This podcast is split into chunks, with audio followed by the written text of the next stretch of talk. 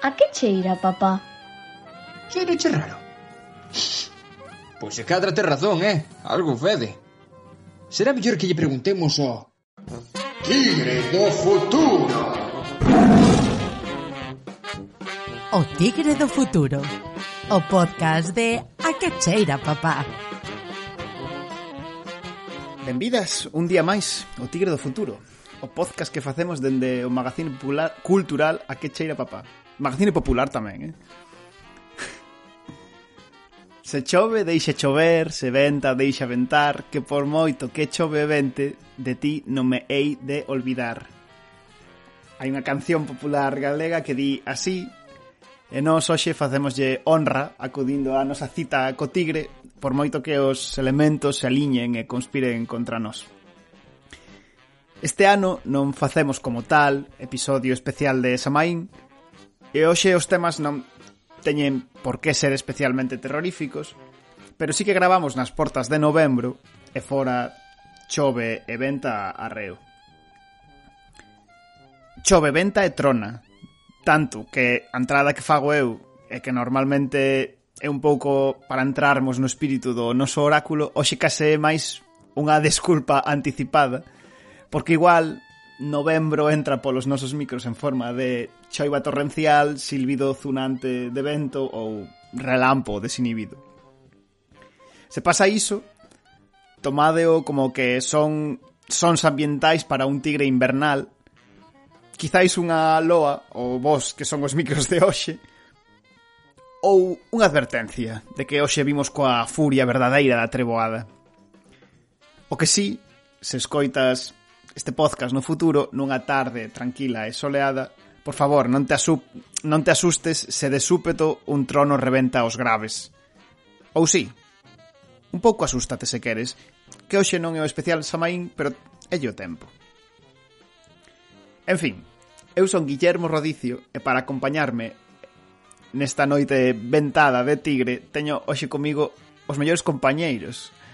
Por unha banda, Rubén Amado, fanático do parte, herdeiro de Pemán, hoxe correspondente especial para dar fe da fronte atlántica desde a Costa da Morte. Que tal, Rubén?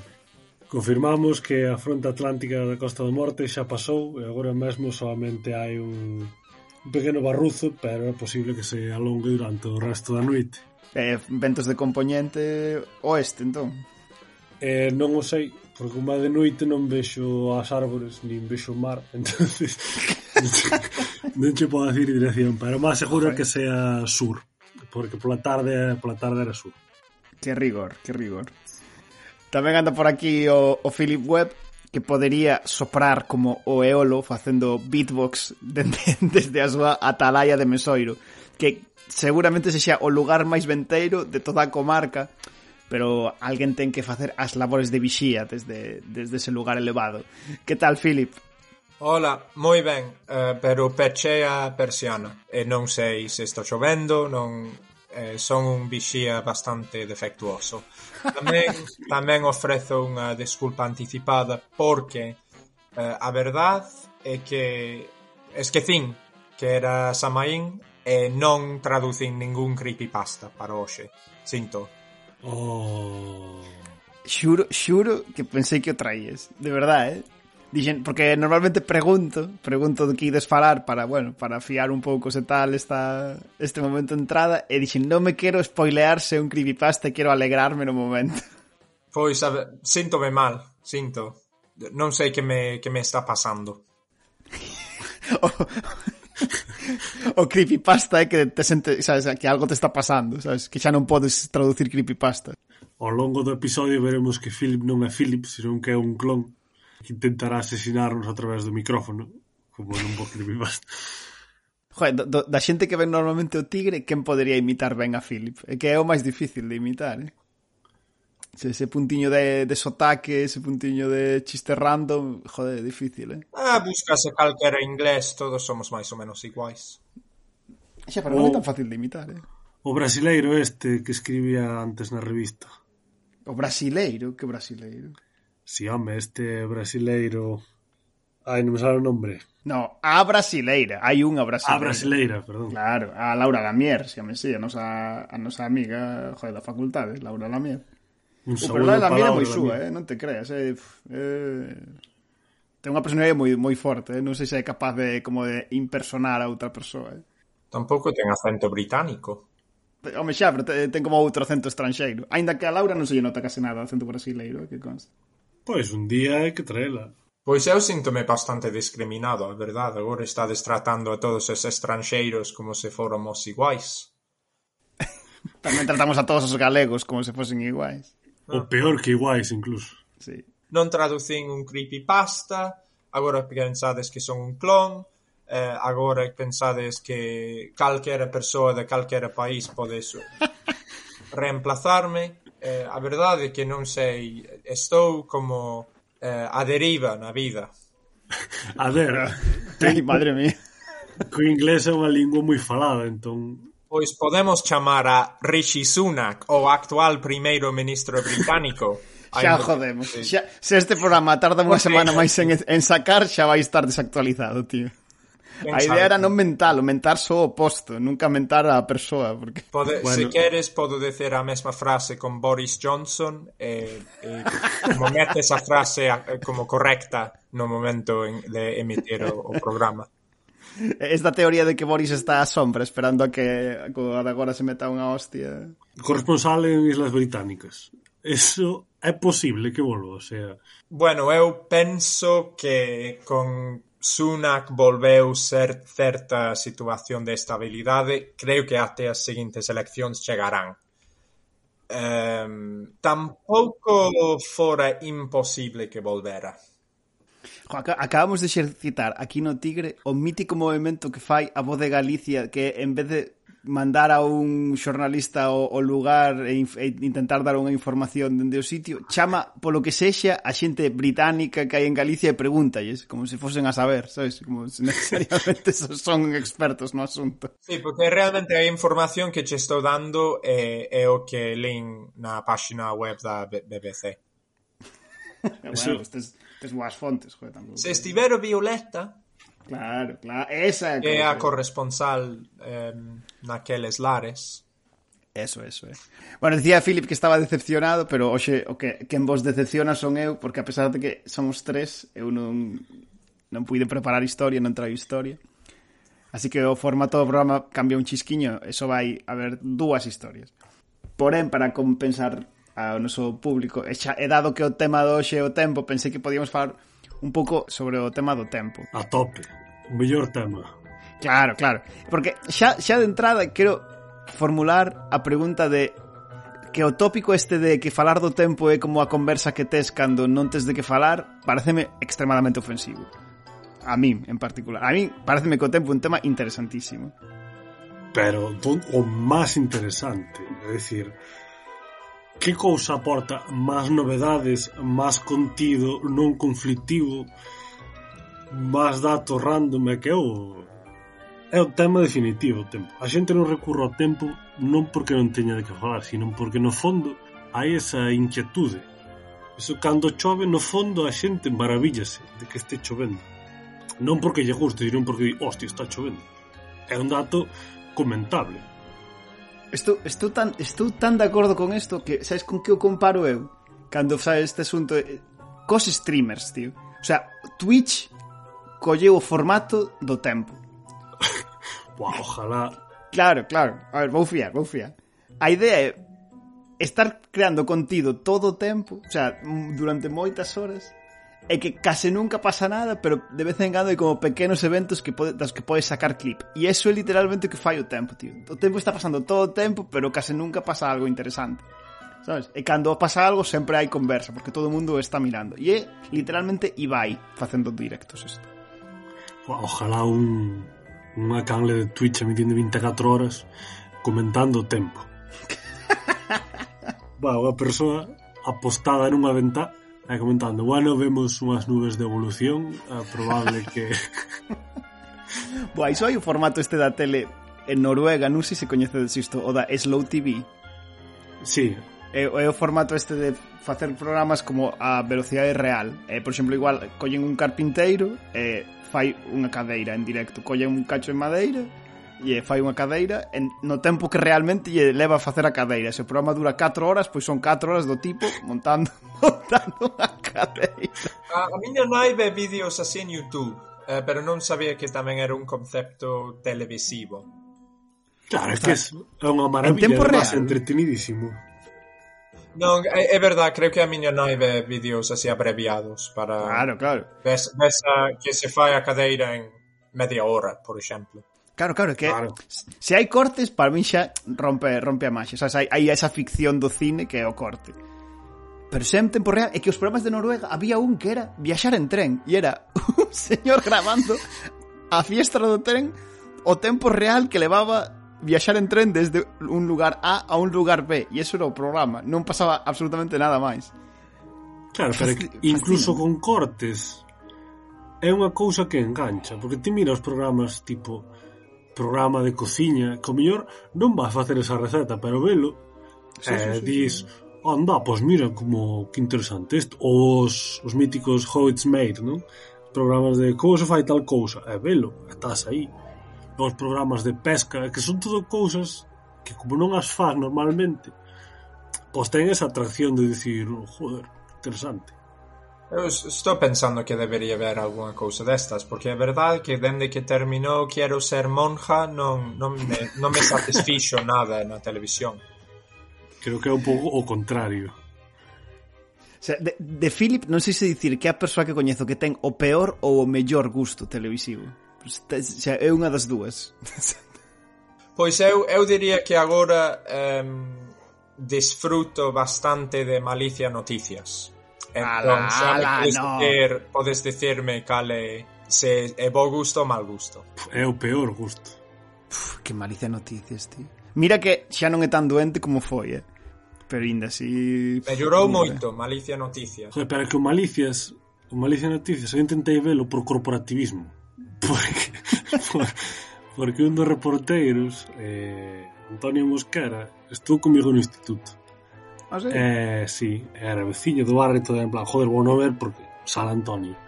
E non son capaz, tío, porque é como que intentan ser gamberros pero facer humor blanco. Entón queda unha cousa que que ni fu ni fa. Sí, está, está en terreo de ninguén todo o tempo e é, uf, é moi incómodo de ver. En xeral, ah. en xeral incómodo. E mira que, sabes, eu sempre defendo moito a TVG, en xeral fan formatos que me parece que, que están guais, e que arriscan, sabes? En plan, cos formatos, verdadeiramente, algúns formatos son raros. De... Eh, 48 horas para o sí. É un formato rarísimo, é un formato rarísimo. Programa moi chulo. Pero moi raro. É unha pasada. E ainda así, estou moi en contra de 48 horas para o sí, porque témome que van a intentar sustituir Casamos con iso, e a min ah, Casamos ah, pareceme sí, eso, o pináculo eso sí non, da eh. televisión. Eh? eh? Eso sí claro, que non. Claro. Casamos é o pináculo. Da Mira, Casamos é o máis próximo que temos nós a ese rollo de, de slow food, no sentido que para min Casamos é un programa de pura antropoloxía. De, que decir, é o programa que lle ensinaría a un alienígeno para dicirlle, mira, isto é Galicia, Galicia é desta forma. Ensinaríalle Casamos. Tío. Eu creo que de todas formas que estáse perdendo aí unha sinerxía, porque hai o programa Casamos, e pois para estar o programa que Casas, que é o que ensinan Casas. Sí. Entón podían facer como eh, continuacións. Sabes? Vemos a boda no casamos e depois a casa que se mudan no que casas. Joder, fa- coller un show de Truman, ¿sabes? Hai como 10 parellas que de Galicia que son eh, que están protagonizadas pola TVG, sabes? vamos ver todos os momentos importantes da súa vida. Claro, e ven o que casas, e se a casa é un Cristo, pois xa van o Galicia Bonita. Despois programas dedicados xa na bellez. Unciones extremas. claro, unciones extremas. Pois empezo a pensar que todos estes programas como acontecen no mesmo universo narra narrativo. Buah, sí, claro, na realidade. É o que temos. é o que teño os realities. Son reais, a xente en casa amos casa de verdade, hostia. Se fosen cousas guionizadas serían os mellores actores da historia, tío. De feito, se comenta que antes de emitir programas xa chegaron avisos de que non emitiran porque se divorciaran. En serio? Dice la leyenda que sí. Joder. No, eu creo que unha vez que lle vendes a túa alma o galloso, emítese. Eu creo que eso, divorciaste, vale, pero emitimos o programa. Se avisas que, divorci, que te divorcias fan outro programa. Vas para o programa dedicado a divorcios do show de Truman este galego. Pois mira, Malicia Divorciamos. Noticias. Vale, non é o mellor programa do mundo, pero a mesma, bueno, máis ou menos a mesma hora, tes o intermedio e a verdade é que se comparas os dous programas, está claro cal é mellor. Sí, vale, aí sí. Home, te lo pues tamén E eso que o intermedio antes me sí que me facía gracia, pero hai varios anos. Agora Pensa, pensaba dedicar esta parte así como de non sección a, ao tempo e acabamos falando da sexta, tío. Que decepción. O sea, Paso... Estou, eh, estou decepcionadísimo con nosco agora mesmo. Eh? Por seguir da sexta, pasa o mesmo con Land Rover e con El Hormiguero. Que tives Land Rover así suelta e dis, bueno, é un pouco de sempre pero faz tapping polo hormiguero e dis bueno, vou ler Land Rover. é que Es que, quer algunha vez teño defendido a TVG entre xente que verdadeiramente pensa que non é unha boa canle e eu teño as miñas reservas coa TVG, cousas que penso que se poderían facer mellor, cousas que non me gustan directamente. Pero en todo caso, como cadea é a máis confiable no sentido de que non me vai poñer de mal humor, tío. E unha cousa que o resto de cadeas non me poden asegurar. E é unha cousa que xa chega un punto da miña vida que valoro. Valoro que a tele non me poña de mala leche. De feito, faime gracia que hai xente que ve a televisión de Galicia e parecelle mal que non a enfade. Sabes? ve as noticias e parecelle mal que comenten cousas como pois, o mítico repolo de tres metros ou o mítico cucho de dúas cabezas ou estas cousas. Que parecen mal...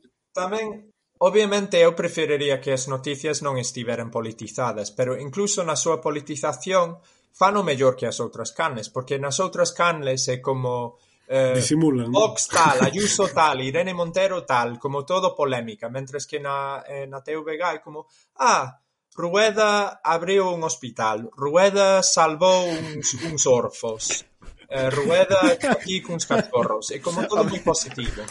Home, di ti que seguramente os, o telexornal de Corea do Norte tamén se chama así, pero... pero bueno... Pero sí, eh, de verdade. Eh. O, sea, o, o tema este de que non está fundamentado no conflicto eh, é unha cousa a valorar, eh? Verdade que sí, pero da televisión de Galicia sabes o que está ben? As fotos do tempo. Recordo que quería falar aquí sobre o tempo, vale, xente? Parece che truxón o fío. É que outro tema que me fascina que as seccións do tempo na televisión cada vez duran máis e máis tempo. Duran moitísimo a día de hoxe. A de televisión española xa, lle, xa a quitaron directamente do telexornal, vai antes e dura como 20 minutos, unha cousa así. É que unha... normal. Cosa... Teñen, sí, teñen dúas persoas que dan o tempo. Sí, sí, hai sección fotos, sección didáctica onde explican algún concepto climático, hai unha, co unha cousa increíble. Ese é o que eu pago, sabes? é que eu si estou pagando un canal de televisión eu quero que se me explique o que son as isóbaras. Porque eu xa raias e liume. Pero se si mo contan, dixo, vale. Pero é increíble, é a única sección do telexornal que é autorreferencial, que explican, sabes, como se é como se o tipo que te está dando as no, noticias desde Nova York eh, para para explicarche como está grabando, sabes, en plan, no, mira, estamos aquí no medio dunha praza grabando esta cosa, sabes? Que está pasando? Por que de repente isto? Hai cuarta parede, sabes? E en cambio no tempo fano cunha naturalidade que xa nin pensamos, tío. E además no caso da galega fa unha labor social moi importante que é que lle dan unha saída a todos eses xubilados que están no Facebook, no mítico grupo xente amigos de Castrofeito ou veciños de tal sitio que están seguido aí subindo fotos eh, ese grupo son cerrados. Entón pois, a televisión pública con o bo criterio está dando un espacio de promoción a eses señores porque poñen a foto pero poñen o seu nombre co lugar de onde son. E iso tamén é importante hai que visibilizar os artistas. A min unha cousa que me gusta moito en España, e isto non pasa en en Inglaterra, é que cando a xente manda vídeos co móbil de cousas do tempo, normalmente da chuvia, á televisión, son a xente incapaz de facelo sen gritar. E ponen un vídeo así dunha inundación e sempre, sempre hai alguén gritando "Madre mía!" ou "Ai, Dios, como llueve!" Nunca vin un vídeo o... deste sen que alguén gritara ao fondo. O, o antolóxico vídeo do volcán de hai tempo de comer. Dá tempo a comer de sobra. Obe, eso Claro, é un tema estrictamente cultural, como o dos vídeos este, esto non te xa, xa está, evidentemente estamos fora de todo sentido xa aquí, ¿no? Pero quería comentar unha cosa que me contou Philip unha vez que me fascina, que o xénero este de vídeos de Paraguai sobre xente que conta accidentes de tráfico. Que? E voló. En Paraguai hai todo un xénero específico de, xornal, de xornalístico o que lle dedican todos os días parte do telexornal onde non só contan un sinistro que aquí se fai, non? En plan, hubo un accidente na carretera de Valga a Pontevedra, non? Senón que sempre hai declaracións dunha persoa que viu o accidente e que en moitas ocasións se son accidentes de noite e tal, son persoas que están ou afectadas polo shock de que acaban de ter un accidente ou borrachas. Sí, entón, hai... eso, eso é verdad, sí que cho contei um, eh, moitas veces, claro, saen en recopilacións de vídeos precisamente porque se son accidentes de noite eh, as persoas que ven o accidente normalmente están borrachas podedes entrar, recomendo que entres en internet, en YouTube, e poñades como accidente de tráfico paraguayo. Eh... Bueno, o mellor xa che algún vídeo así con moito sangue e tal, non sei. Pon gracioso tamén. entón, accidente paraguayo gracioso, non? Vale, estou de acordo. Tres muertos. Eh, penso que xa compensamos o feito de non termos unha sección hoxe bueno, para, último detalle, para os que sean, que me acabo de acordar, para os que sean fanáticos do tempo, sabede que Meteo Galicia ten cámaras na que podes ver o tempo cal diferentes sitios, que é o máis parecido aos streamings que falamos antes. Entón ti vedes aí e ves pois, o Porto de Camariñas, por exemplo, mm. ou ves os Ancares, e iso está moi guapo. Tamén hai un webcam en, en Abbey Road e podes ver como os turistas aí cruzan e sacan fotos como os Beatles pero con tráfico aí pitando. De feito, eh, o, o fenómeno ese non só meteu Galicia, senón que hai moitos concellos que fan iso sobre todo concellos pequenos on, que fan un pouco rollo para a xente que está fora e ten morriña da aldea. A miña aldea de León ten unha cámara eh, no medio do monte que está 24 horas o día grabando a aldea e podes entrar e ver, ver a túa aldea en directo. Opísimo.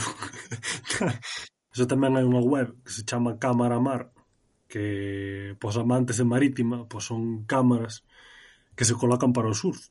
E entón podes ver certo. diferentes playas mm. eh, mm. pois como están. ves a sí, de Malpica, sí. ves a de Razo. Eh, habrá moita xente. Oh, mira, hai a versión deso de neve, as estacións de esquí teñen tamén cámaras para que vexas se hai verdadeiramente neve ou non. Va, un día no Twitch comentábamos cámaras do tempo. Boa, Idea era... para unha serie da galega un señor ou unha señora eh, que pasa todo o día vendo webcams de praias eh, e todas as semanas ve por casualidade un asasinato nun das webcams e ten que resolvelo. Joder, por fin unha serie negra da galega que me interesa. Se ha streamado un crimen. Incluso me do pode encher o, o oco deixado por quero ser monja. Aí, aí, aí o deixamos. En fin, eh, ainda que só somos dous, como sempre, eh, sei que todas estáis desexando ofrecer as vosas historias ao tigre, pero precisamos, precisamos dunha pregunta ou proposta que vos fago para achar a orden. Como hoxe estamos en petit comité, a pregunta de hoxe vai ser moi aberta e tamén un pouco salvaxe. Propoño vos que digades algo que eu despois teña que censurar en edición e a que me pareza máis imaginativo ou máis bestia, engaña. Mocos. non podes dicer eso nun podcast que é ilegal. A ver, podes dar un exemplo do tipo de cousa que estás pensando e censuralo despois? Por exemplo, unha palabrota pero moi moi moi gorda, non mocos. Ou quizáis unha canción que teña un copyright que despois isto en Youtube non lo censura. algo así, por exemplo, tamén sería algo. Vale, eu... Vale, vale, vale hai un, hai un xuramento que escutei unha vez moi grave que, que é cajo nos 18 Co como? Por qué? Ah, Dios mío, no, non expliques, non expliques, vale, xa acabo de coger. Ten algo que ver co eh, co leñador fantasma ou algo así. No, no, ten, ten que ver coa idade legal para votar, ten que ver. No, no, no, no, no. No? No, é blasfemia religiosa. Nos 18? Os 12 apóstoles, os 4 evangelistas, eh, Jesús, Magalá e Cupari. Pois a verdade é que casi prefiro que sexa unha blasfemia religiosa mm, en comparación co que estaba dicindo Guillermo. Sí, eu entendía como algo sexual era terrible. No, hombre, no. Volveuse contra min isto. Bueno, Rubén optou polo religioso. Non se me ocorre nada, estaba pensando, claro, Algún... Non, non, estou ta totalmente sen, sen ideas. Unha ameaza de morte ou algo así, nada, non se te corre nada. Un Alcaeda no fondo.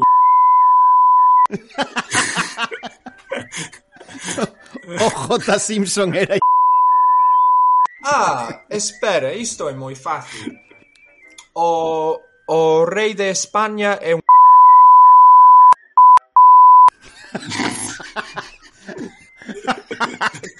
Hostia de puta. guau, guau, moi ben, moi ben. Que se note que se note que tes estudado o Código Penal, sí señor, sí señor. Guau, como fiamos, eh, xente, como convertimos isto en crítica social, eh. Bueno, creo que creo que pola vía borbónica vai gañar Philip esta sección finalmente. Así que hoxe comezamos coa túa, Phil. De que nos vas a falar hoxe? Sí,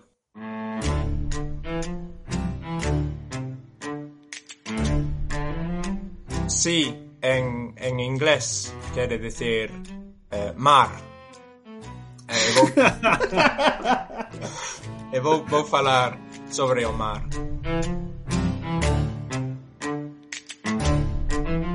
Porque, claro, antes noutro, noutros intres falei de, de cauces secos de ríos, de Tigro vai a Balca, onde doutrora vivía o tigre do Caspio.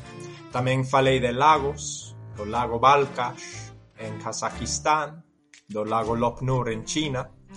Así que o seguinte paso nesta secuencia lógica é falar do mar. E imos finxir que non falei do Titanic noutro momento, que realmente xa é falar do mar. Ah, un apuntamento importante para tra traductores, eh, xa que estamos falando de mar. Mar é unha forma abreviada de que nome? María do Mar. Claro. Pero se queremos traducir ese nome a inglés e decimos Mary ou María, xa perdemos ese, esa como referencia eh, marítima. Así que eu propoño como traducción correcta de María ao inglés como Marcy, que é un nome de verdade eh, porque hai unha canción de Joni Mitchell que se titula Marcy, Sí. Um, e deste xeito, pois, entra aí sí. Uh, así que mm, nada, é, é a miña contribución ao mundo da traducción. Jo, pues pareceme super bonita en realidad, eh? Unha cousa super poética, eh, Phil? Ah, pero ia falar do mar, perdón, é que como terminei e logo dixen, ah, pero non falei do, do tema. terminei, levabas 15 segundos. No sí, pero é que claro, mencionei a Joni Mitchell e, e claro, agora que a súa can as súas cancións non están en Spotify, así que xa non hai non existen, non se poden escoitar eh, como claro. entroume unha nostalgia, eh, mencionei a Masi e como, bueno xa parece moi bonito, un punto moi bonito en que eh, poñer fin á miña intervención.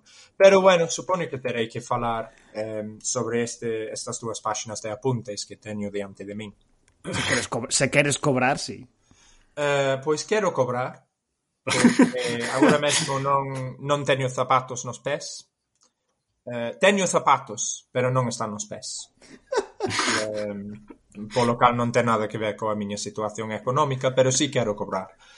Eh, e vou empezar usando unha técnica que moitas veces observamos nas series de televisión en que un personaxe adolescente está tendo unha crise e a súa nai ou seu pai eh, conta unha anécdota que ao parecer non ten nada que ver coa causa da crise, pero ao final si que se enlaza de alguna forma e permítelle a nai ou ao pai permítelle impartirlle unha lección de vida ao adolescente. Claro, é unha técnica moi común e sabedes exactamente de que estou falando. No. iba, iba a reclamar un exemplo, por favor. Pois está chorando un personaxe adolescente porque están facendo bullying E a nai o pai di pois mira eu cando era pequeno tiña un un mono que quería moito eh, e levaba o mono a todos lados e logo un día pois uns unha xente matou o mono eh, e tiven que aprender a viver sen o mono e logo dirá pois mira agora están facéndoche bullying pero máis tarde non o farán. Claro, é, é a mítica vale. escena, como todas as vale. series unha escena así. Vale, o sea, o que vai sendo un coach de autoayuda, pero en serio, vale. E, entón, a, o sea, a anécdota que en principio parece que non ten nada que ver co tema do mar, pero que máis tarde sí que se vai enlazar é a seguinte. Eh, no último ano de, de carreira, un amigo prestoume unha serie de dez novelas de fantasía que se chaman As Crónicas de Belgarat, eh, mm. dun autor estadounidense que se chama David Eddings, David Ediondo. Eh, eh, eu lín esas dez novelas ao longo de cinco ou seis semanas, teñen así unha prosa moi moi fácil, moi lixeira, son moi divertidas, pero é verdade que son malísimas e non as eh, recomendo para nada. Son machistas e racistas, eh, uh, sí, unha bosta non sei, bueno, será que tamén, tamén teño como recordos entrañables eu con, con elas, pero a verdade é que gardo moi bo recordo delas, joder, elas. Eu tamén, pero son malísimas. Sí, en certa medida estou de acordo. Eh, pero sí tenen algunha idea interesante. Eh, unha delas é como eh, leva as súas últimas consecuencias digamos, a idea da predeterminación, as, as profecías que hai en todas, casi todas as novelas de fantasía, a veces parece, Porque nestes libros pois non hai un só caso en que o que está previsto na na profecía, eh, digamos, non se cumpre.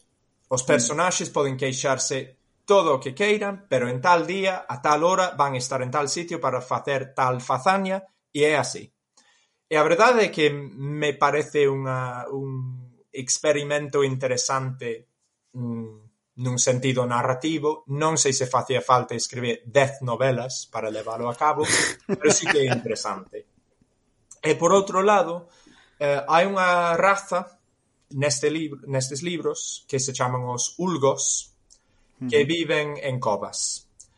Eh, pasan toda a vida en covas e un dos personaxes que ao final se xunta o, o grupo dos héroes durante estas novelas pois ten que saír das súas covas, é a primeira vez na súa vida que sae das covas, a maioría dos ulgos nunca sae das covas, e este personaxe teñe un medo horrible ao ceo, porque sae da cova e de repente non hai un teito, e dalle a sensación de que vai caer cara arriba en toda esa inmensidade. E é bastante parecido a unha fobia común que moitos seres humanos temos que se chama talasafobia. Eh, sabedes o que é a talasafobia? Sí, por, por etimoloxía, talaso é mar e fobia é medo, así que é medo ao mar. Exactamente.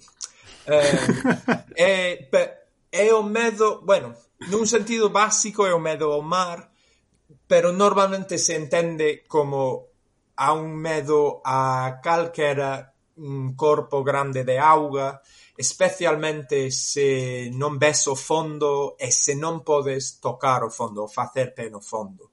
Hmm, xa, medo a profundidade, máis ben. Sí, diría máis a profundidade e a escuridade desas augas, como a esa sensación de que non sabes o que pode haber aí abaixo. Claro, non lle tes medo a ducharte, teslle medo... Ai, pero unha piscina moi fonda, si que lle tes medo. Por exemplo, sí. Ehm, eu creo que até certo punto eu teño talasafobia porque a verdade é que non me gusta nada nadar en auga se, se non podo tocar o fondo, facer pé. E creo que levo 4 ou 5 anos sen nadar en auga sen poder facer pé no fondo. Ainda que me parece bastante racional porque, bueno, nado, pero non nado especialmente ben e non quero afogarme. Eu este é un espazo seguro para a xente con talasofobia, tranquilo, filho. Eh, pois si, eh, dame, dame bastante medo afogarme. Eh, sei que é ridículo eh, e non xa non me sinto bueno, a ver. home de verdade, pero a verdade é que a idea de afogarme pareceme así non tan guai. Eu sei que isto é un pouco mítico, o sea, un pouco tópico, pero eu creo que a xente do interior temos un pouco sempre de medo ao mar neste, neste puro sentido de que parece como que afogar é destas cousas que entran dentro do, do posible, sabes? Da, dunha morte plausible que che podería acontecer, así como outras non parecen tan reais, non? E incluso a xente, a xente do mar dicía que antes que non valía a pena aprender a nadar, porque nadar no mar solamente sirve para morrer cansado. Xa, eh? xa moitos mariñe, moita xente mariñeira que pasaba moito tempo no mar e non nadaban nada ben, en realidade. Sí, sí. Bueno, pero de todas formas, chavales, eu sou un voluntario en Cruz Vermella do Mar, hoxe talasofobia cero, non pasa nada. estás aquí para que nos sintamos seguros, Rubén, estás aquí. Pois estás facendo moi bo traballo ali. Oxalá eu tamén fora Rubén facendo ese traballo. Vale, continuo sí que me interesa Omar. Saberedes a, a esa cifra que siempre aparece en, non sei, nas noticias ou documentais que din que máis do 80 ou máis do 90% do mar mm, está aínda sen explorar. E de feito, eu quería saber exactamente que significa eso de que non está explorado, se quere decir que non cartografiaron o, o fondo con certo tipo de instrumento ou senón eh, houbo mm, sumersións a certas profundidades en diferentes capas do océano. Que significa? E fixen a pregunta eh, na páxina de Reddit de Ask Science eh, e rexe, rexeitaronme a pregunta e dixeron que me informara. Mellor, antes de facer a pregunta. Bueno, entón, para que estaba de asco, pregunta para informarme, pero non, parece que teño que informarme mellor. eh, intentei ir ao colexio, pero me dixeron que estudase, sabes? non entendo. Así que non, non sei que significa que máis do no, 90% do mar segue sen sen explorar. Eh, así que decidín realizar unhas investigacións máis. Primeiro fun a páxina de Reddit de con teorías da conspiración, Vin que hai un señor que cree que hai unha cidade mineira debaixo do mar que leva siglos, séculos dando voltas cerca dos cumes de Lapu Lapu en Filipinas minando algo. E como realmente non necesitas probas para em, como engadir cousas ás teoría, as teorías da conspiración, Uh, pois é o que, o que eu diría é que Lapu Lapu é o nome do cacique eh, uh, cuxos soldados supostamente mataron a Magallanes en 1521. Um, pero o que vou decir eu é que realmente Magallanes non morreu, senón que baixou debaixo do mar e construiu esta cidade mineira para buscar el dorado e segue dando voltas por aí. O sea, que guapo, eh? Mestura de Atlántida, El Dorado e eh, o Rei Sebastián con, con Magallanes. E Reddit un, tamén. Un combo. E Eh, por, por, lo que sexa, o Reddit das conspiracións ten menos requisitos que o Reddit ciencia. No, non sei por qué. Sí, aí non, bueno, non, aí se, se les artigos científicos dinche que te informes mellor. É como o contrario. um, pero Me falta un que... pouco de steampunk, esa sería mallado. Pois ou, ou non, porque ninguén sabe como é a cidade mineira, porque non existe. Claro, dis, dis cidade mineira e imagínome Asturias, sabes? Non sei. Sí, pero, perdón, non o expliquei ben. Cidade mineira no, no sentido de que a súa función é minar, pero eh, está debaixo do mar e ten rodas. Ah, vale, vale, vai no fondo sí, do perdón, mar. Perdón, expliquei no mal. Si vai no fondo do mar e ten rodas. Vale, vale, vale, vale. E non sería mellor que tuva hélices. Pero construíuse no século XVI non ah, tiñan bueno, a mesma claro, tecnoloxía bueno, agora. Claro, claro. Pero teño que recoñecer despois de todo isto que a, o, a páxina de Reddit de teorías da conspiración pareceume a min, incluso a min, pouco científica. Así que usei fontes máis rigorosas para investigar, eh, que non son Wikipedia, por certo, son blogs. Mellor. Um, fontes máis rigorosas para investigar sobre as diferentes capas do, do, do océano. Porque o océano non é homoxénea, senón que ten capas como unha cebola ou un ogro, como Shrek. eh, e vou vos explicar en termos científicos as diferentes capas do, do océano. Um, a primeira capa é a intermareal e non vou falar da capa intermareal porque me parece unha capa cobarde que non sabe se é mar ou se é terra. Este é a zona de baño que todos coñecemos, pero a min pareceme que terei que decidir cal é, mar ou terra. Así como un dato, a zona intermareal miña avó chamáballe a barba da marea. A barba? Pois é un nome chulo. Como, sí. pola, as, as, como que a escuma das ondas é claro. a que fai a... Que guapo. É un dato que me gusta. Rubén aporta fermosura ao podcast. Que como é un dato sobre zona intermareal non me interesa, porque é unha zona xa é collín manía. Ainda que é certo que é a única zona na que me baño eu, como non quero eh, afogarme. Bueno, pero a, a, a primeira zona así de verdade do mar é a capa epipeláxica, que se estende até 200 metros de profundidade, Aquí toda a auga está mesturada, ten unha temperatura bastante estable até os douscentos metros de profundidade e hai moita luz, hai moitos animaliños, hai moitas cousas, eh, é unha zona bastante chula, pero como hai moita luz e vese bastante ben, imos seguir baixando eh, ás zonas máis escuras eh, onde é máis difícil ver as cousas e necesita necesitades as explicacións de Philip derivadas de blogs eh, sobre as cousas que ali hai. Ciencia. Así que por, por debaixo da zona epipeláxica é a capa meso, mesopeláxica, que se estende dende os 200 metros até os 1000 metros de profundidade. Até aquí chega aínda un pouco de luz solar e é unha zona bastante guai porque hai peixes espada e tamén hai anguías lobo e as anguías lobo teñen cara de señores maiores enfadados. E aquí tamén atopamos a termoclina, que é unha zona en que a temperatura baixa rapidamente a medida que aumente a profundidade, porque a enerxía solar non chega. E temos que lembrar esa palabra termoclina para despois, porque vai ser moi importante no sentido de que a vou dicir unha vez máis noutro momento. E como seres humanos eh, nos cremos o centro do universo, obviamente teño que dicir quen foron os primeiros seres humanos en chegar vivos até a zona mesopoláxica.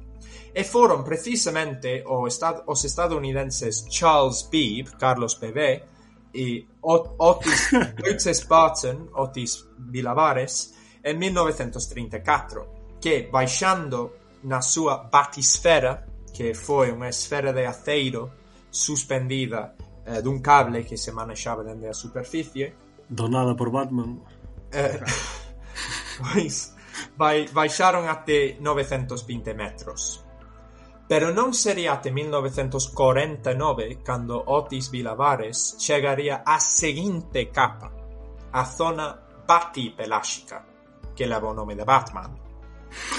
en honor ao Marqués de Batman. Chegou a, en, a 1400 metros nunha batisfera modificada chamado ventoscopo. A zona betipeláxica esténdese dende os 1000 metros de profundidade até os 4000 metros de profundidade.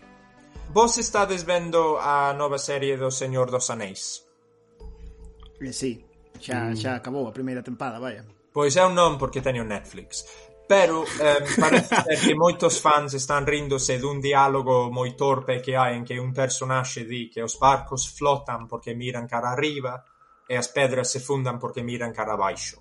Joder, pero unha cousa poética no contexto da serie, ademais. Eh? Dice como unha especie de refrán. Como eu, cousa. bueno, eu non vin a serie, só digo que é como un meme.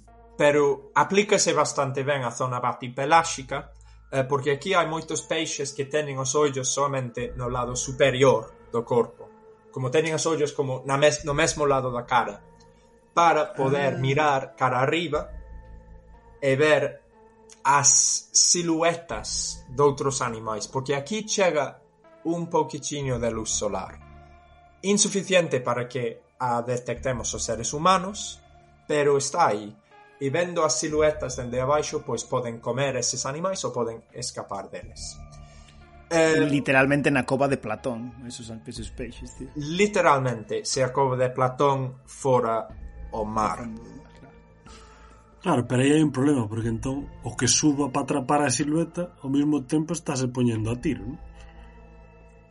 E ese é o gran misterio da zona batipeláxica.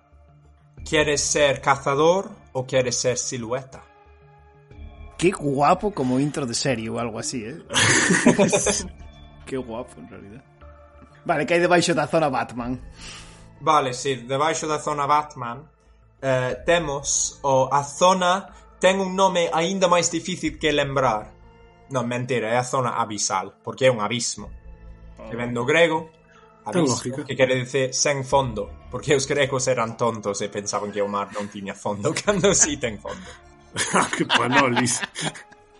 sí que me lembra un, unha, unha historia que me, que me gusta que nos que che contan eh, nunha visita guiada a unhas unhas minas de antigas minas de carbón que hai en Gales.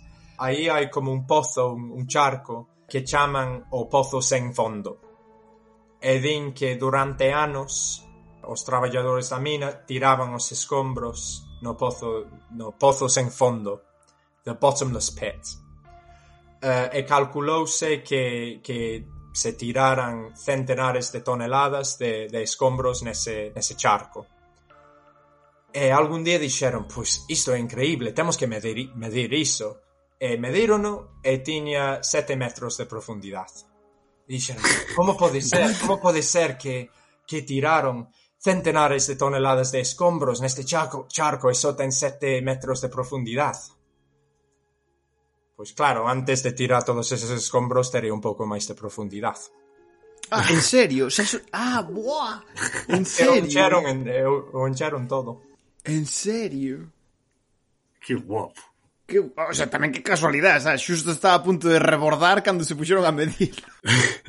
Claro, se, se rebosaba, pois tiñan que sacar todo o escombro para poder tiralo outra vez, porque senón non tiñan onde tiralo. Joder. Bueno, a zona abisal, eh, hai unhas hai unhas cousas interesantes aquí. Primeiro, eh, o primeiro ser humano en chegar até ali é o malvado Edwards do, do creepypasta sobre o Titanic. Eh, porque o Titanic efectivamente está na zona abisal, que se estende dende os 4.000 metros até os 6.000 metros de profundidade.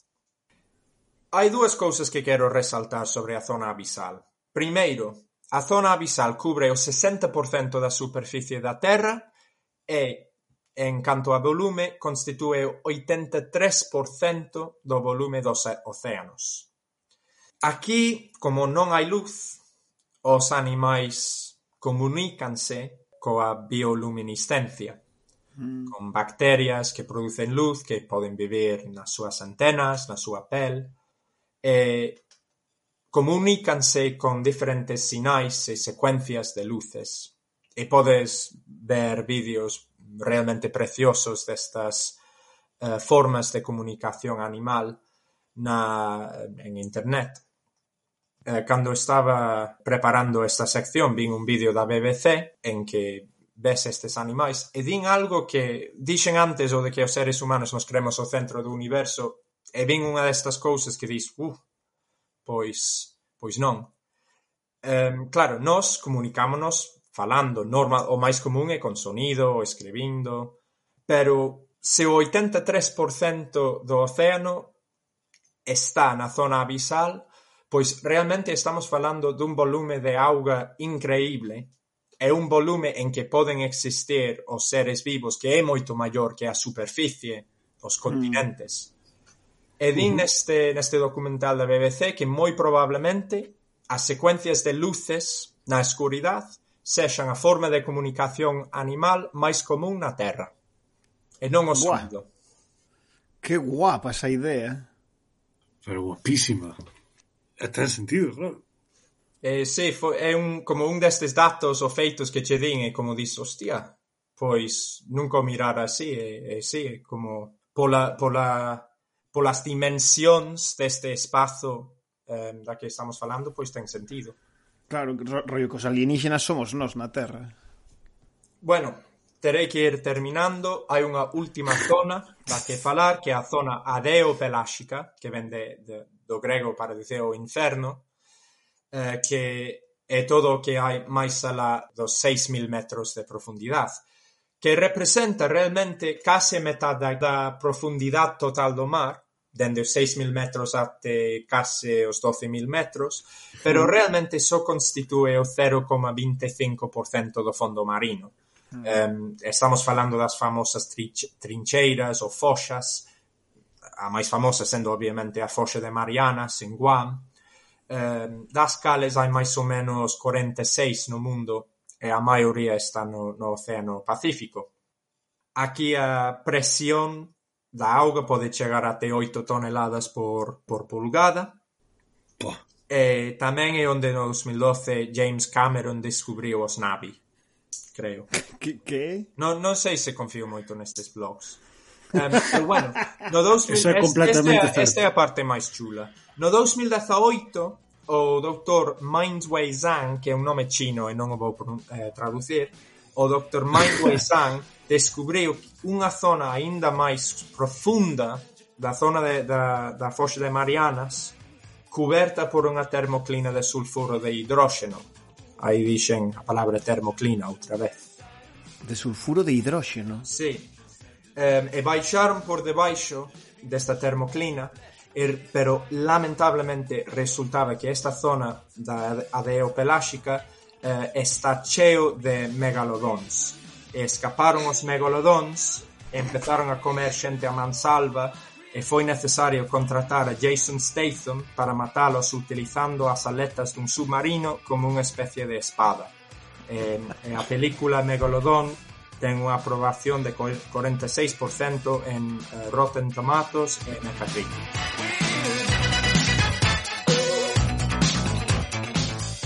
sei que queres acabar aí a sección, fin. O sea, eu comprendo que se queres que sexa o final. Non, porque tamén di conclusión.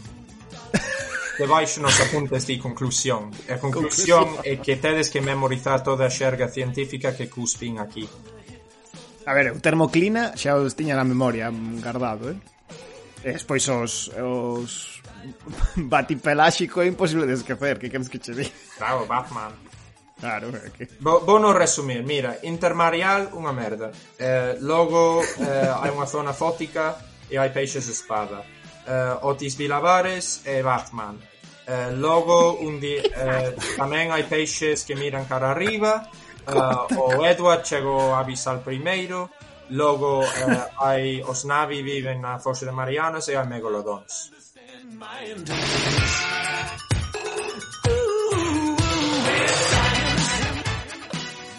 Pois moi ben.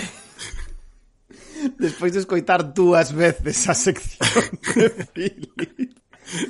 Na que, joder, a, a, este, foi interesante. A, sí, to, a, o sea, as cousas verdadeiras foron interesantes e as que foron mentira tamén. Ah, que hubo mentiras. Sí, pero queda para a disposición do público a distinción entre elas, que é moi complicada. Pasamos xa a, a última sección do programa de hoxe, que o que soltou unha barbaridade máis lixeira foi o Rubén, así que tú é a palabra. De que nos vas a falar hoxe, Rubén? Pois eu traio para abrir boca eh, un souvenir da viaxe que fixemos de Polo a Polo en cinco aves. Mm. Trai unha historia que me contaron os Inuit e que ahora ofrece o oráculo, que sabe máis.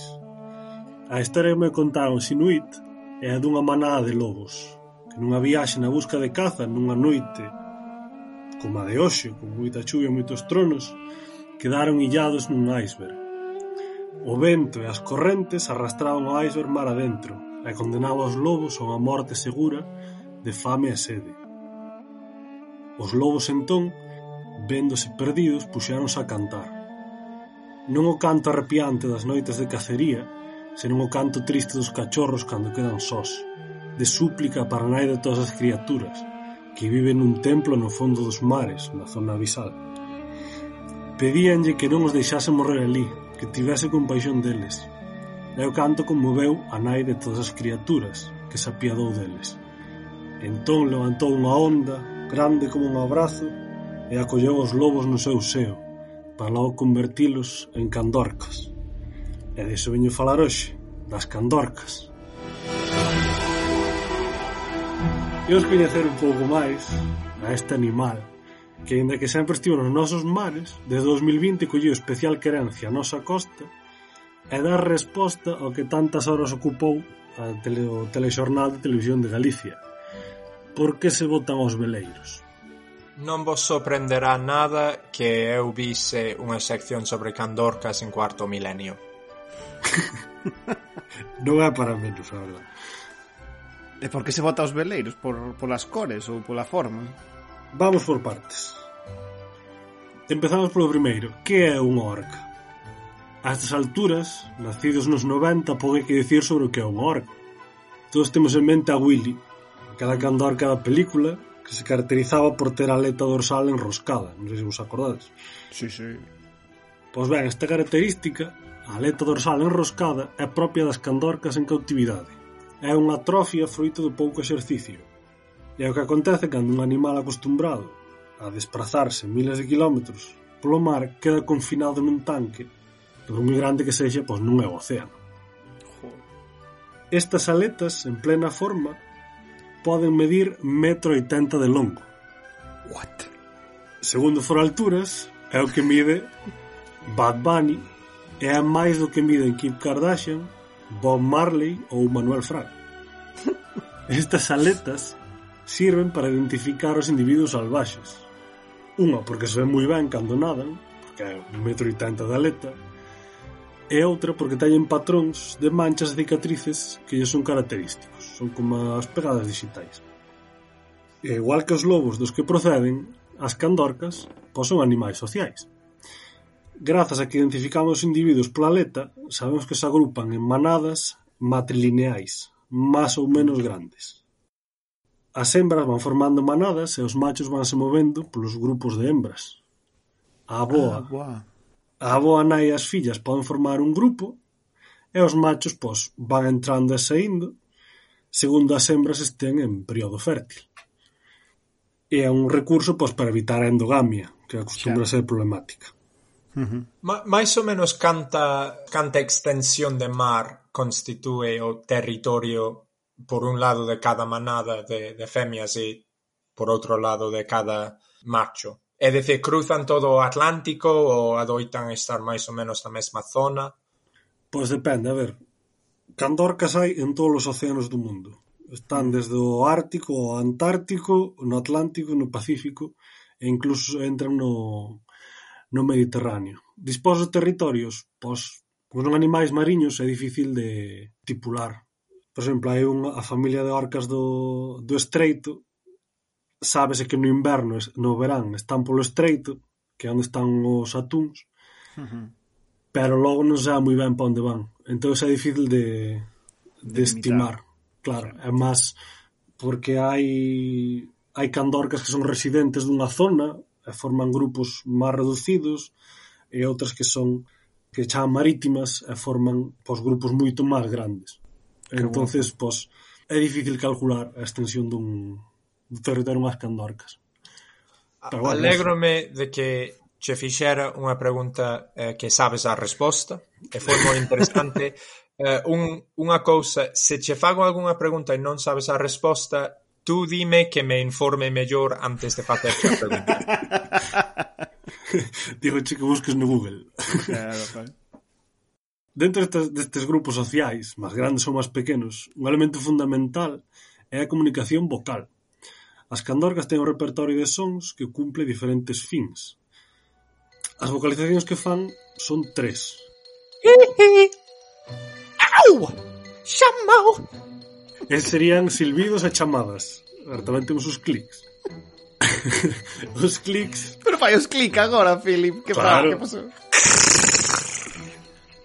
Os clics, como vai evita Philip, son sucesións de chasquidos que non teñen finalidade social, son para ecolocalización, son un sonar. Ah, vale, sí. Hai moitos, hai moitos animais marítimos con sonar, sí. Os cetáceos prácticamente todos. Todos, sí. E pois están os silbidos tonais, Silvi, por favor, silbido. que se utilizan durante interacción social máis próxima. Podríamos decir que son como ronroneos ou como conversacións pequenas. E por último están os chamados modulados, que son os máis potentes.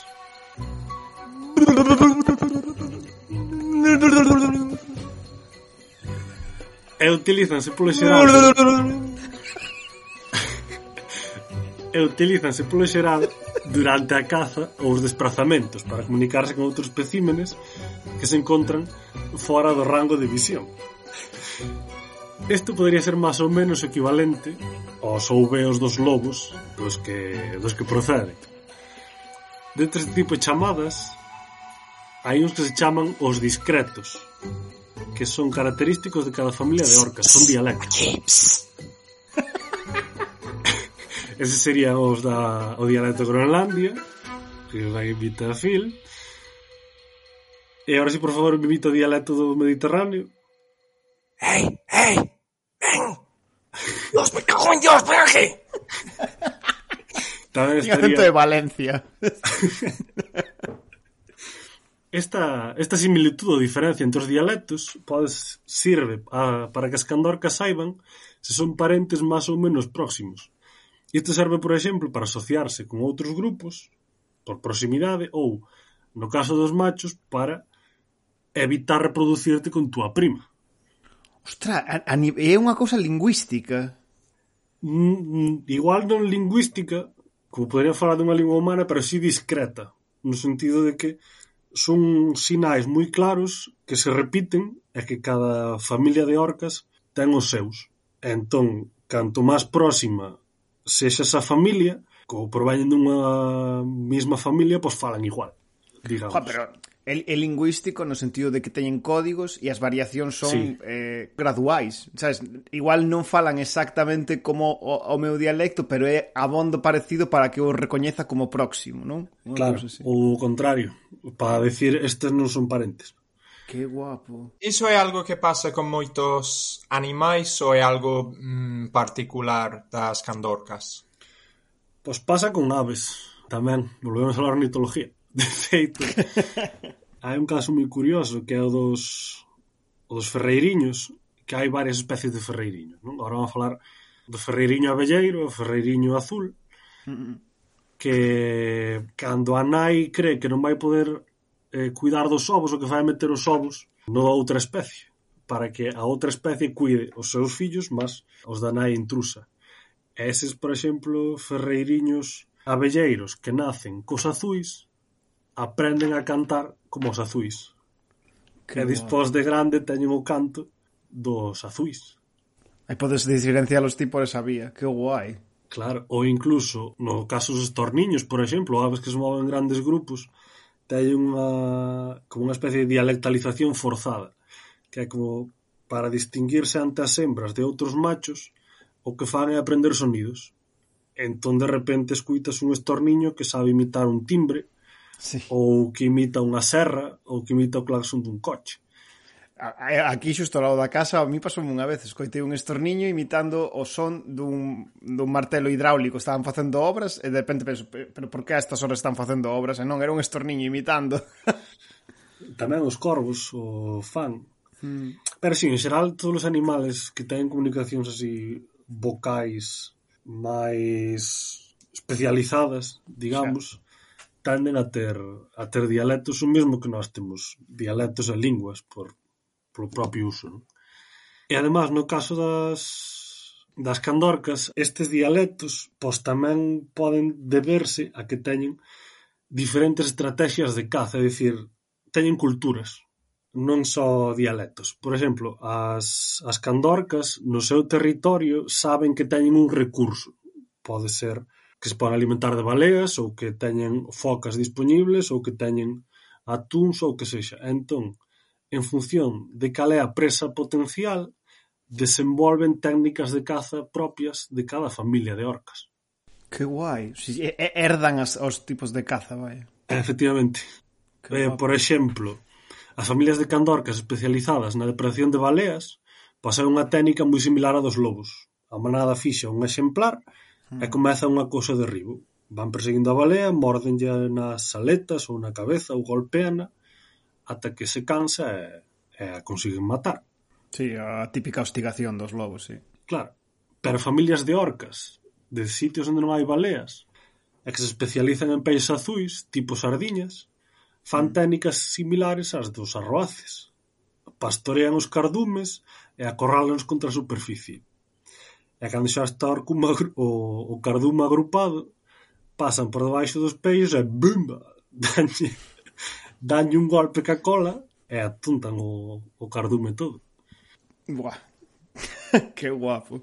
Claro, máis que teñen un, unha fisionomía tan potente que permite moitas variedades, e podes atacar de moitas maneiras, por decirlo así. Claro, se si buscades ataques de orcas en, sí.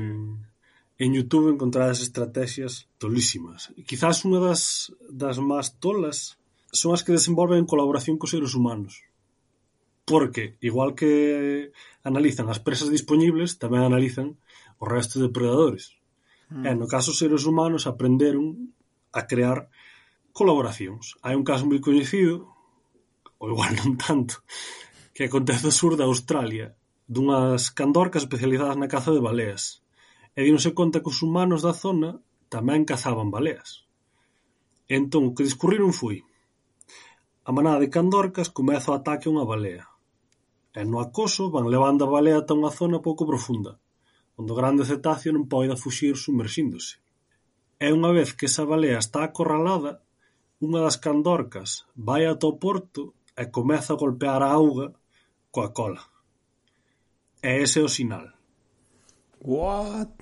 Os baleeiros do porto collen entón as súas chalupas e os seus arpóns e seguen a esta candorca, que os guía hasta onde as outras tiñan A corralada balea.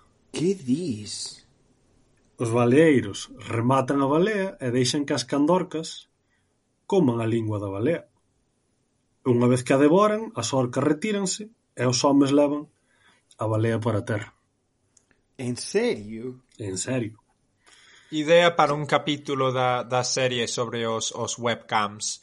Un dos asasinatos é que o asasinato é un pescador pero fai que a candorca mate a vítima e o señor que está en Muxía vendo todo nun webcam eh, pois ten que convencer a policía de que pasa, pasou isto. Ostras, é que o sea, fai, fai a coña Phil, pero é que a propia premisa é tolísima, vai. O sea, que vayan as candorcas a avisar os notas de que atoparon unha balea Claro, que son... Sí, claro, sí, isto é, é increíble. É propio dunha familia. Claro. E, e tamén acontece nas candorcas do Estreito de Gibraltar que saben cando os barcos están pescando. Hmm. E as almadrabas e todo iso. E as almadrabas baixan a moita profundidade. Entón, entre que a almadraba sube desde o fondo hasta a superficie, elas aproveitan que os atúns xa están aí encerrados e entran a Almadraba a collelos, sea aproveitanse das artes de pesca humanas roubar a pesca, digamos. Sí, Rouban as cousas dos demais, notase que esas candorcas xibraltareñas son británicas, eh? De feito, eu, eu tamén vin unha que seguramente viches no YouTube, porque viches que hai, dixeches que hai moitos vídeos de cazas de candorcas, mm eh, pero cando estaba facendo a, buscando información para a miña sección, eh, e vin un moi chulo en que hai un, unha foca no medio dun, dunha placa de hielo e non sí. poden alcanzala, así que toda como tres ou catro nadan rápido debaixo da placa de hielo creando unha onda que rompe o hielo para poder mm. eh, comer o, o, a foca. Sí, para desestabilizar o xeo e que a foca esvare e caia, non?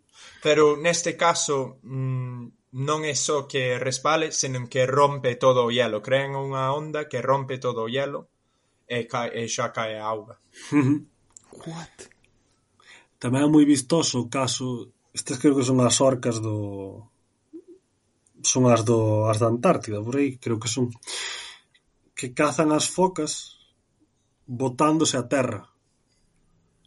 Sabes, as focas están na zona intermareal, que xa sabemos que é unha purria, entón, cando a, a candorca ve que hai unha foca máis ou menos cerca, o que fai é coller velocidade e vararse, e meterse a terra e collela.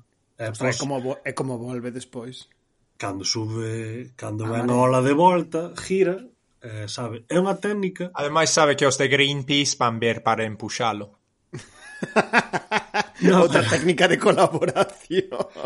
Pero además son conscientes de que é peligroso, porque as, esa técnica ensinan as crías en zonas onde a nai poida sacalas, en caso de que ela non sea capaz de salir. Claro, claro, claro. Home, que ten moito risco, quedas varada, eh, aí fuches. A menos claro, que veña Greenpeace. Entonces eso, vemos que temos un animal moi intelixente e que pasa coas interaccións cos barcos? Por que se botan os veleiros? Pois porque no mar ou eres cazador ou eres silueta. pois as responsables son as concretamente as focas do estreito, as candorcas do estreito de Gibraltar Estas, pois eso, no verán están na salida do Estreito de Gibraltar esperando os bonitos e despois veñen cara ao norte bordeando a península pois detrás dos bonitos. Pero cando no 2020 aconteciu unha cousa insólita que unha estas familias, en vez de seguir cara ao norte, dou volta para o estreito. E é a partir dese momento cando empezan as interaccións. Ao principio foron identificadas tres candorcas nos ataques, que foron coñecidas como as Gladys. As Gladys son tres, a branca, a negra e a gris. E a medida que se tomaban datos de outras interaccións, viuse que non eran só estas, sino un total de 11 candorcas involucradas nas interaccións, dunha familia dun total de 14 hai tres que se rexistraron nas zonas da, da interacción pero non participaron no acoso aos, aos veleiros. Estas interaccións seguen sempre o mesmo patrón. Perseguen o veleiro e morden os lemes, morden as orzas, golpean a cabeza, arrastrano. E se ven que hai resposta, ven porque o patrón Eh, xira o timón e eso dáis unha resistencia ao mordisco, ou porque alguén berra desde a cuberta, a interacción continúa, chegando a romper partes dos barcos. Porén, se desde o barco non hai resposta, as interaccións acostuman cesar ao pouco tempo. E a pregunta entón é, por que este comportamento? Claro, é moi confuso isto. O sea, se, se non acontece nada, paran. Uh -huh. E dis que empezou cando volveron a Gibraltar cando normalmente seguían para o norte bordeando. Sí, de repente un cambio na, dunha familia de candorcas na súa ruta migratoria e a partir desa volta atrás empezan as interaccións. Ostra, e por qué? Pois barallas ao principio a posibilidade de que sexa como reacción a un encontronazo cun veleiro que fixo que desenvolvese unha actitude defensiva porque nunha das Gladys, Nas fotos vese que ten marcas dun encontro pois cunha hélice dun motor. Tamén se propoñía que fose unha especie de cacería pola dependencia ás respostas do veleiro, que o confundisen con algún tipo de animal e que por eso se deciden a, a atacalo. Claro, esa é a resposta entenden que é o animal defendéndose. Claro. Xa, xa, xa. Mas o certo é que non se aprecia nas gravacións nin nos testemunhos das interaccións unha actitude realmente agresiva por parte das candorcas, e incluso hai fotos nas que se ven as Gladys acompañadas por arroaces. Entón, non habendo actitude agresiva, unha das hipóteses máis fortes arriba da mesa é que lles fai chiste. non pode ser, que dis? que as candorcas entenden o que é o veleiro, saben como reacciona, sabe que poden interactuar con el e parece divertido. Buah, a, te, a tesis ludita, tío. É unha movida, eh? O xogo é final movida. é unha mostra de inteligencia. Claro, e a máis é un, sempre se falaba de, o sea, o da tese ludita era o rollo este de que sempre se falaba de que había certo bias pola parte dos de moita históricamente os antropólogos ou as ou as ciencias sociais que cando miraban para o pasado nunca valoraban o xogo, a broma, as cousas que se fan só porque son divertidas de facer ou porque eh, son raras e, e a súa propia rareza é o que as fai interesantes, non? Uh -huh. E claro, supoño que, claro, dende a bioloxía pode haber certo nesgo tamén nese sentido, non valorar que os animais poden facer as cousas porque lles fai grazas. sabes? Claro, e ademais no, no caso das candorcas sábese, sábese que teñen predisposición ao xogo e incluso os acontece pois de investigadores que estiraron xoguetes e as candorcas xogaron con eles durante moito tempo. E ao final, o desenvolvemento de técnicas de caza Pois seguramente tiña que ver nalgún momento empezara como un xogo. Co xogo, sí. A ver, eso velo nos cans. Os cans xogan claro. a que se pelexan, a que cazan, sabes? Os, os, os gatos pequenos literalmente xogas con eles a que cazan ratos. Claro, claro. Sí. Entón é esta. Que o fan porque porque lles mola. entón... a, a, a, a mellor a mellor solución, sinceramente. A máis cachonda. Claro, eu conta que sempre estiveron aí. Tamén por eso chama a atención o do dous mil o xiro este do dous mil vinte, porque, por exemplo, meu tío que é mariñeiro e tamén me contaba a veces de ir ao a pescar ao ao caladoiro de Sarabia, que é un un caladoiro que está mar adentro, eh, diante de Camariñas, máis ou menos, e estaren pescando os ollomoles e virlle veren as aletas de, de estaren as candorcas pendentes de que é o que estaban facendo e ver como se podían aproveitar. Que guai. Pero claro, estes pasos duraban ao mellor dúas semanas, que é o que tardaban en cruzar. Hmm. Pero ahora colleron o gusto a esta zona, entón dan esa volta. Entonces, temos que aprender a convivir con elas. Nos próximos anos haberá que ver se este costume remite ou vai a máis. E nós tenemos que desenvolver protocolos pois, para evitar estas interaccións ou para reducilas o máximo posible. Pero o único que podemos concluir, sabendo que son animais intelixentes, é que son capaces de desenvolver a súa propia cultura, pois que son sus costumbres e hai que respetarlas. Ostra, é interesante, en particular porque como que xa temos certa concordamos un pouco como sociedade en que hai certos animais que se que as consideramos moi intelixentes, non? É que parece que hai como algúns baremos para considerar animais especialmente intelixentes dentro do conxunto dos animais. E é interesante tamén dende a perspectiva histórica, non? Porque como que quizáis históricamente houbo outros momentos da historia en que determinados animais desenvolveron este tipo de dinámicas, máis claro, aprenderon que co ser humano eh, non sai moi rentable andar andar de broma, non? Eh, uh -huh. E teño a sensación de que ás veces tamén dende certo discurso ecoloxista falase, por exemplo, de por exemplo, co lobo. Ai, o lobo nunca ataca o home, o lobo unha convivencia pacífica cos animais. E, e entendo que o que pretenden ou cal é un pouco a ideoloxía subxacente, pero claro, dito así, resulta un pouco naif, ¿no? Porque os lobos non atacan o home porque aprenderon que atacar ao home é mala política, sabes? Claro. En plan, que igual ti matas o lobo a un home e eles matan a, a metade da túa manda, sabes?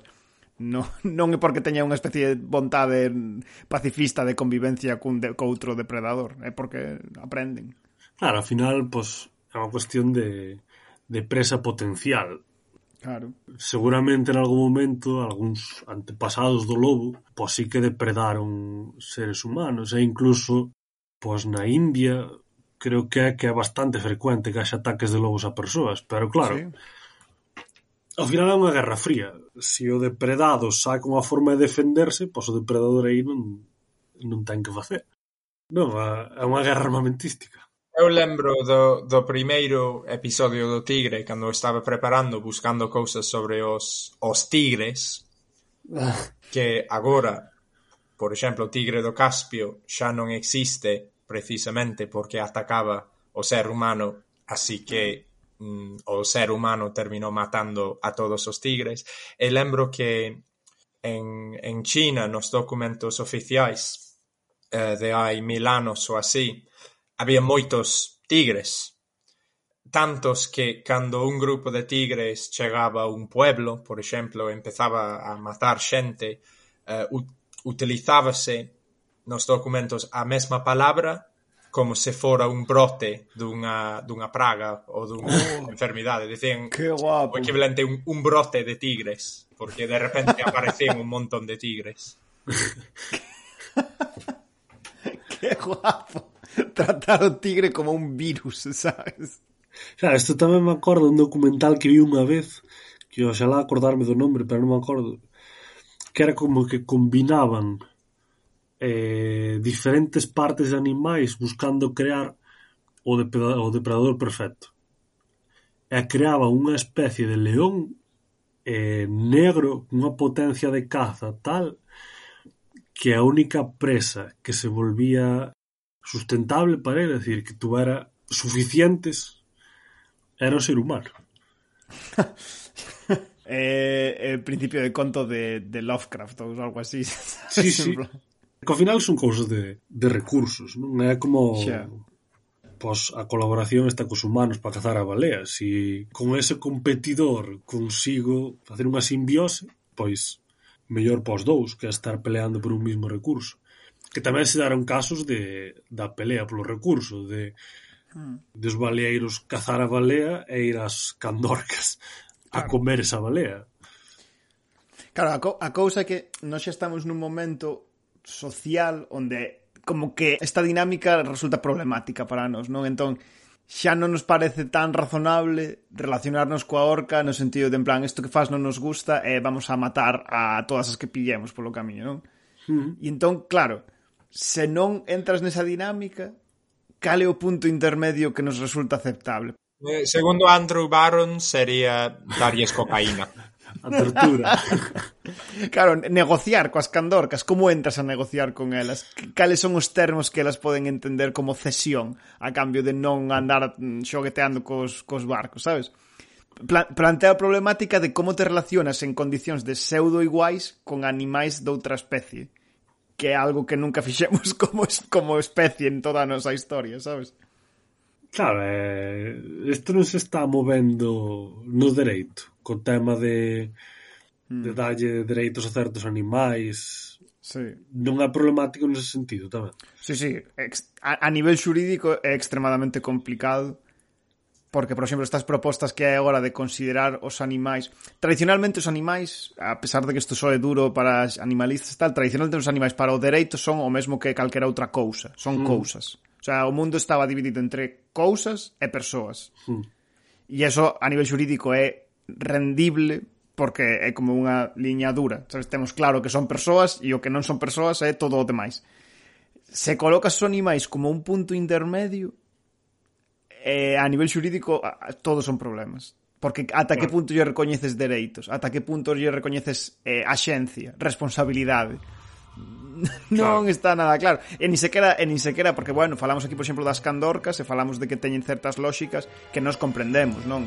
Herdanza, cultura, eh, familia, pero con animais que funcionan dunha maneira completamente diferente, como o encadres? Por eh... exemplo, os oviños do ferreiriño que se deixan no, no niño doutra, doutra ave poden considerarse xuridicamente menas ocupas. Eu creo que sí.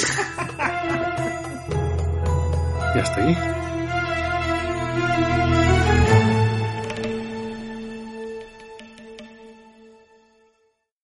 Pois moi ben, soa soa xa o Tigre Tigre de The Omens e iso significa que chega ao seu fin un novo episodio do Tigre do Futuro. Saímos hoxe do oráculo co coa auga auga xa ata as orellas. Principio prim, primeiro pensábamos que era iba ser pola choiva e finalmente foi foi polo mar e pola nosa exploración coas candorcas. Quero dar as grazas ás nosas as miñas cómplices do, oraxo, do oráculo de hoxe que foi especialmente especialmente Radio Verité. Se vos gustou non vos queredes perder as seguintes entregas do Tigre do Futuro, podedes suscribirvos en iVoox, e Spotify, Apple Podcast, YouTube ou seguir en xeral o que facemos desde a que cheira papá. Emplazamos vos xa para o seguinte tigre que quen sabe o que agarda ali. Un saúde ata a próxima. Tigre, tigre, pode deter. Fai no pedazos e bañate no que quede ver Nunca pensei